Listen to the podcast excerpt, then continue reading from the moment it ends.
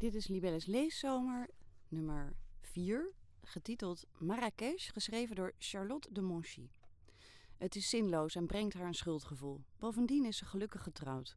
Toch denkt Emma meer dan goed voor haar is aan de vader met zijn twinkelende oog op het voetbalveld.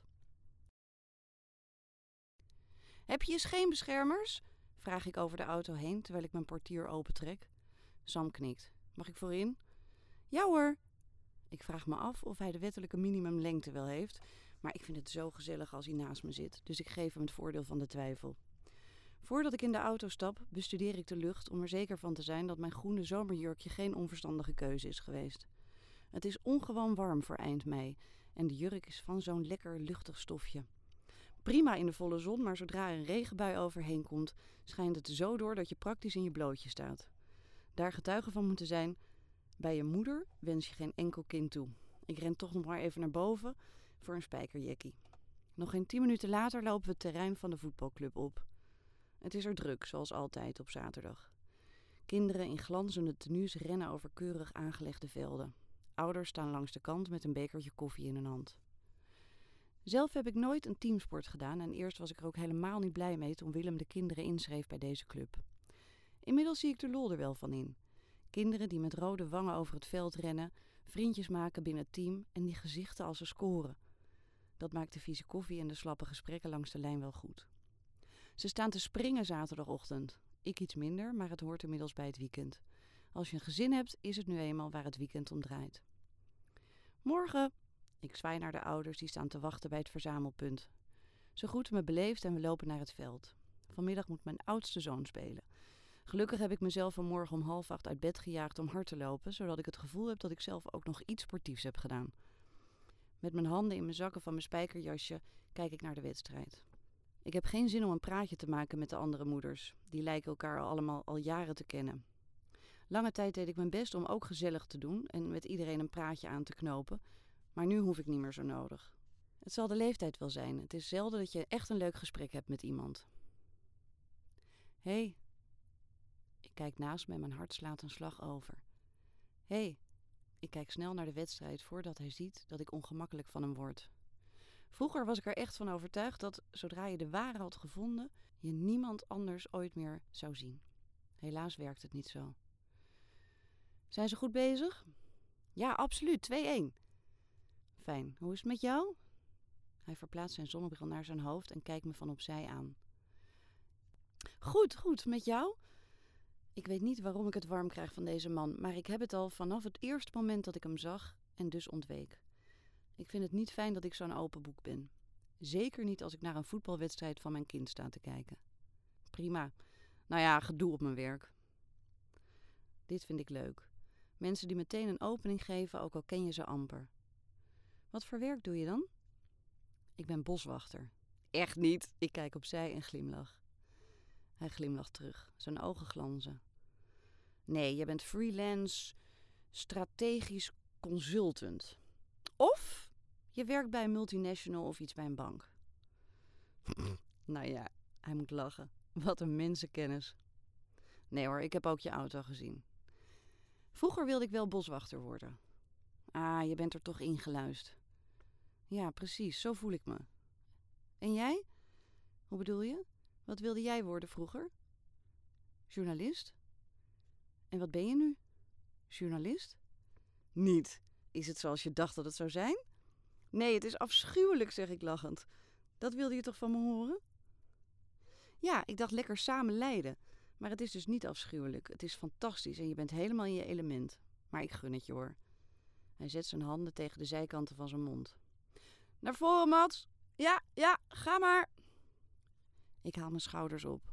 Ach, niets is zoals ik had gedacht. Had jij dan gedacht dat het zo zou zijn, het leven? Ook al was je boswachter geweest, dan rij je ook regelmatig door een druilerig bos waar de bladen van de bomen zijn gevallen en waar de dennenziekte om zich heen slaat. Hij grinnikt. Ja, vast. Ik vind het soms zo jammer dat er al zoveel keuzes gemaakt zijn. Ik kan me nu echt niet meer omscholen tot boswachter, want dan moeten we naar een flat langs de snelweg verhuizen. Juist niet. Als je boswachter wordt, dan zit er een dienstwoning bij de baan. Zo'n bakstenen huisje met rood en groene luiken omringd door eeuwenoude eiken. Hm, misschien doe ik het dan toch. Ja, denk er nog eens over. Hij lacht heel leuk, met kraaienpootjes in zijn ooghoeken en een schaterend geluid. Wat was er nou op je werk? vraag ik. Ah, gedoe. Ik heb een medewerker die zich elke week wel een dag ziek meldt. En als hij er wel is, doet hij niets. Al een jaar probeer ik hem op te peppen, maar dat is niet gelukt, dus ik heb hem uiteindelijk moeten ontslaan. En nu begint hij een rechtszaak. Gewoon vervelend. Hij maakt een wegwerpgebaar met zijn hand, maar ik zie dat hij er echt van baalt. De negatieve energie bedoel je? Ja, dat en dat je verantwoordelijk bent voor een wending in het leven van een ander. Hij heeft het moeilijk, hij is gescheiden en hij is depressief. Hij had zo'n negatieve uitwerking op het team dat ik uiteindelijk deze beslissing heb genomen. Maar dat was niet heel meelevend. Even zeggen we niets. Ik kijk naar Sam, die midden op het veld naar een vliegtuig staat te kijken dat overkomt. De zon licht zijn blonde haar op. Hij is alles behalve de ster van het team. Eigenlijk is de periode tijdens je studie de enige tijd dat je van jezelf bent. Dat je voor niemand verantwoordelijk bent en kan doen wat je wil. Nou ja, af en toe een tentamen halen en wat bijverdienen in de kroeg, maar je woont net op jezelf en je hebt nog geen gezin. Ja, fijn was dat. Heel soms zou ik nog wel een tijdje terug willen. Ik schiet in de lach terwijl ik mezelf zo hoor praten. Ik klink net alsof ik negentig ben en een nieuwe heup moet. Sam wordt uit het veld gehaald en komt op me afgerend. Het ging goed, hè? Hij zet de bidon die ik hem heb aangegeven tegen zijn lippen. Ja, fantastisch. De man naast me doet een stap van me weg.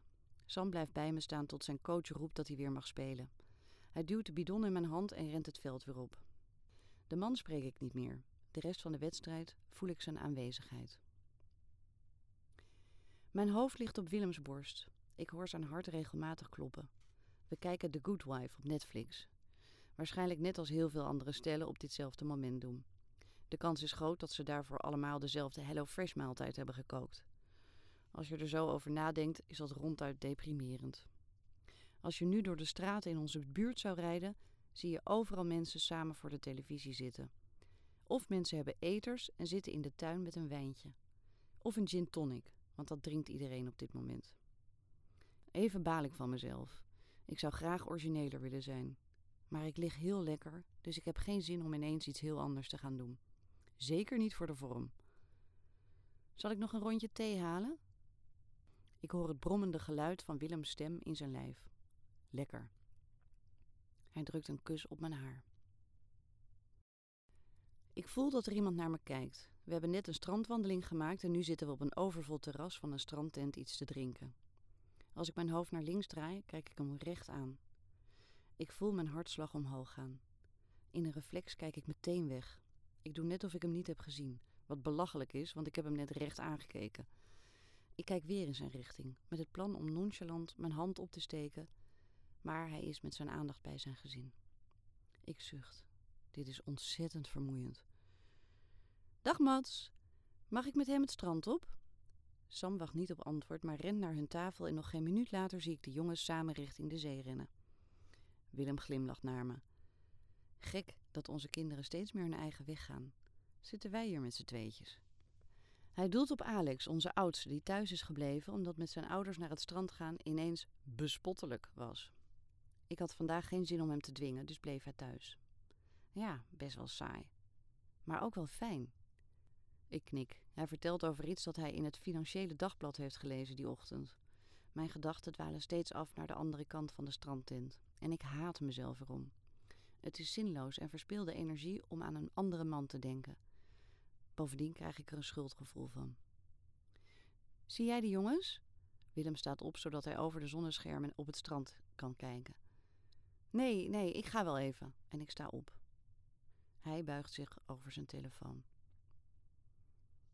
Buiten loop ik de houten trap af het strand op. De jongens zitten een eindje verderop op hun hurken een kuil te graven. Ik blijf naar ze staan kijken. Zie jij ze? Hij is het. Dat weet ik door de bliksemschicht die van mijn voeten naar mijn hoofd schiet. Ja, ik wijs. Hij komt naast me staan.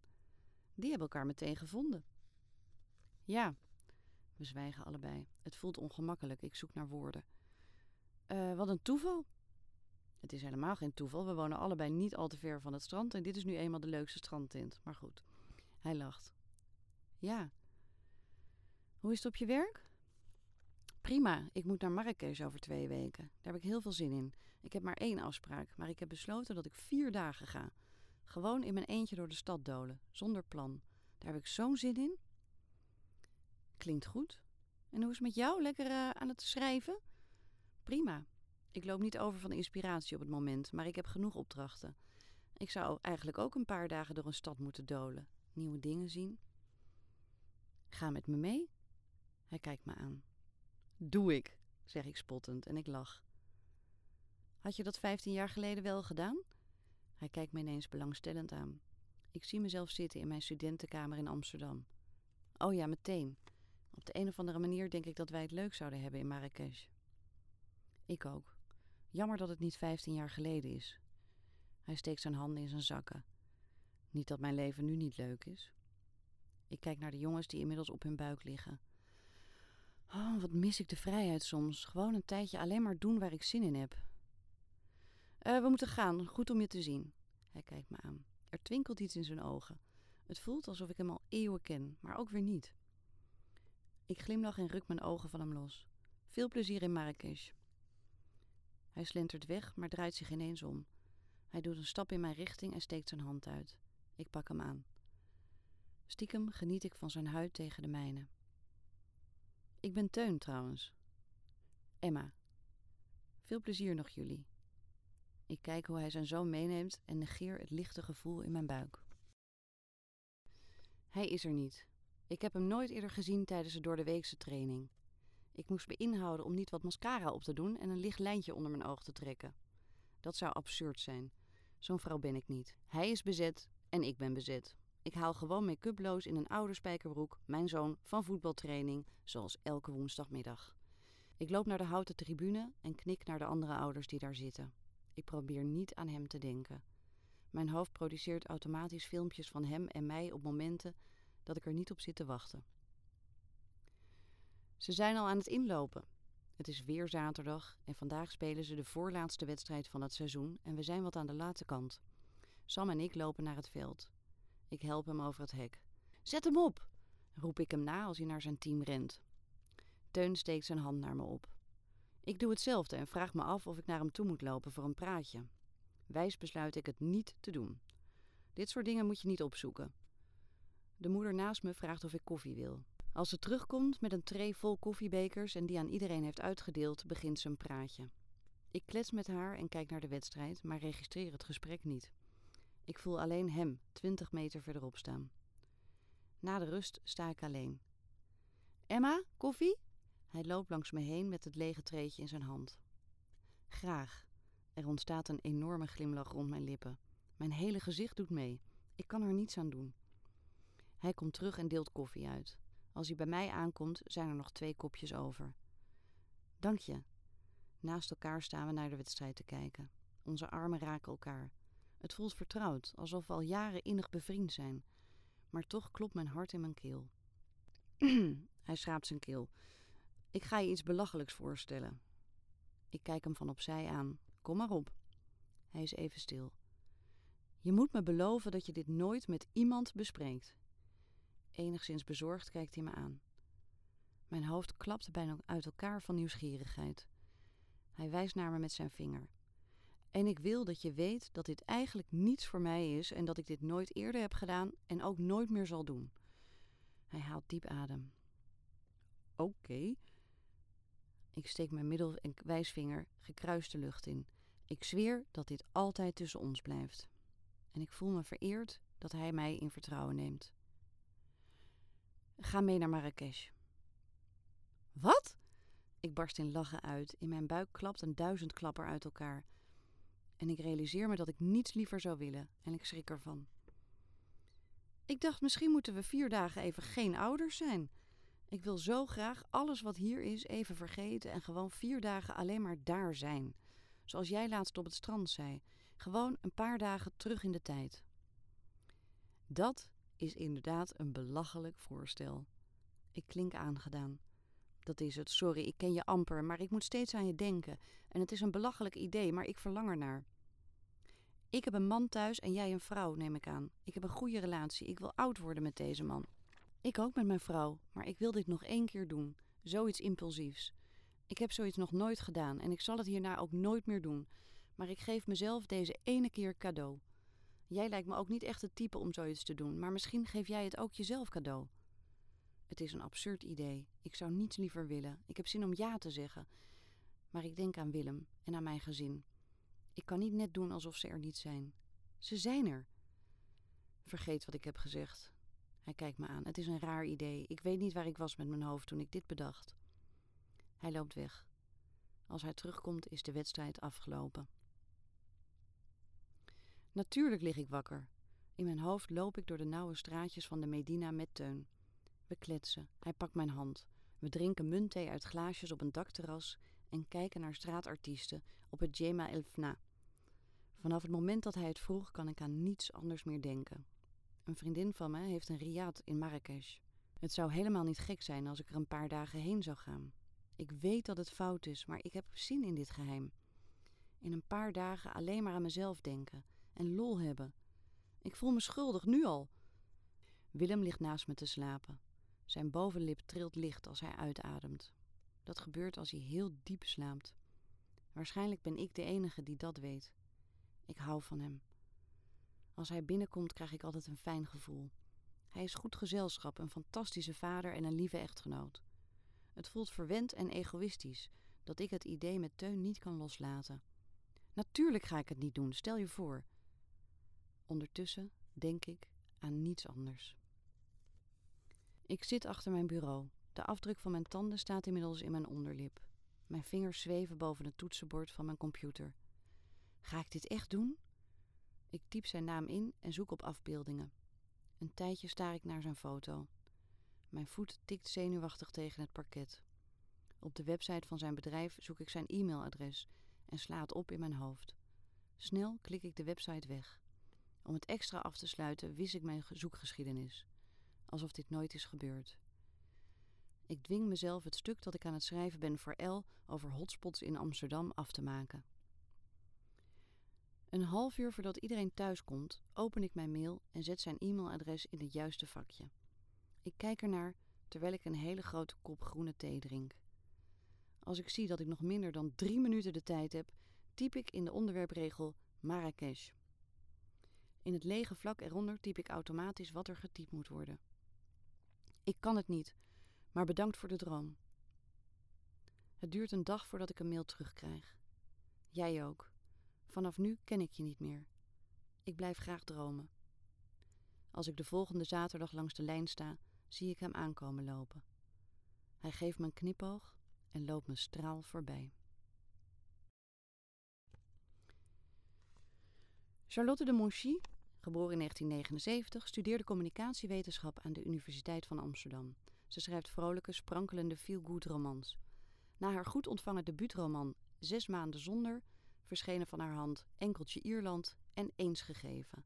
Ze woont met haar gezin op Bali.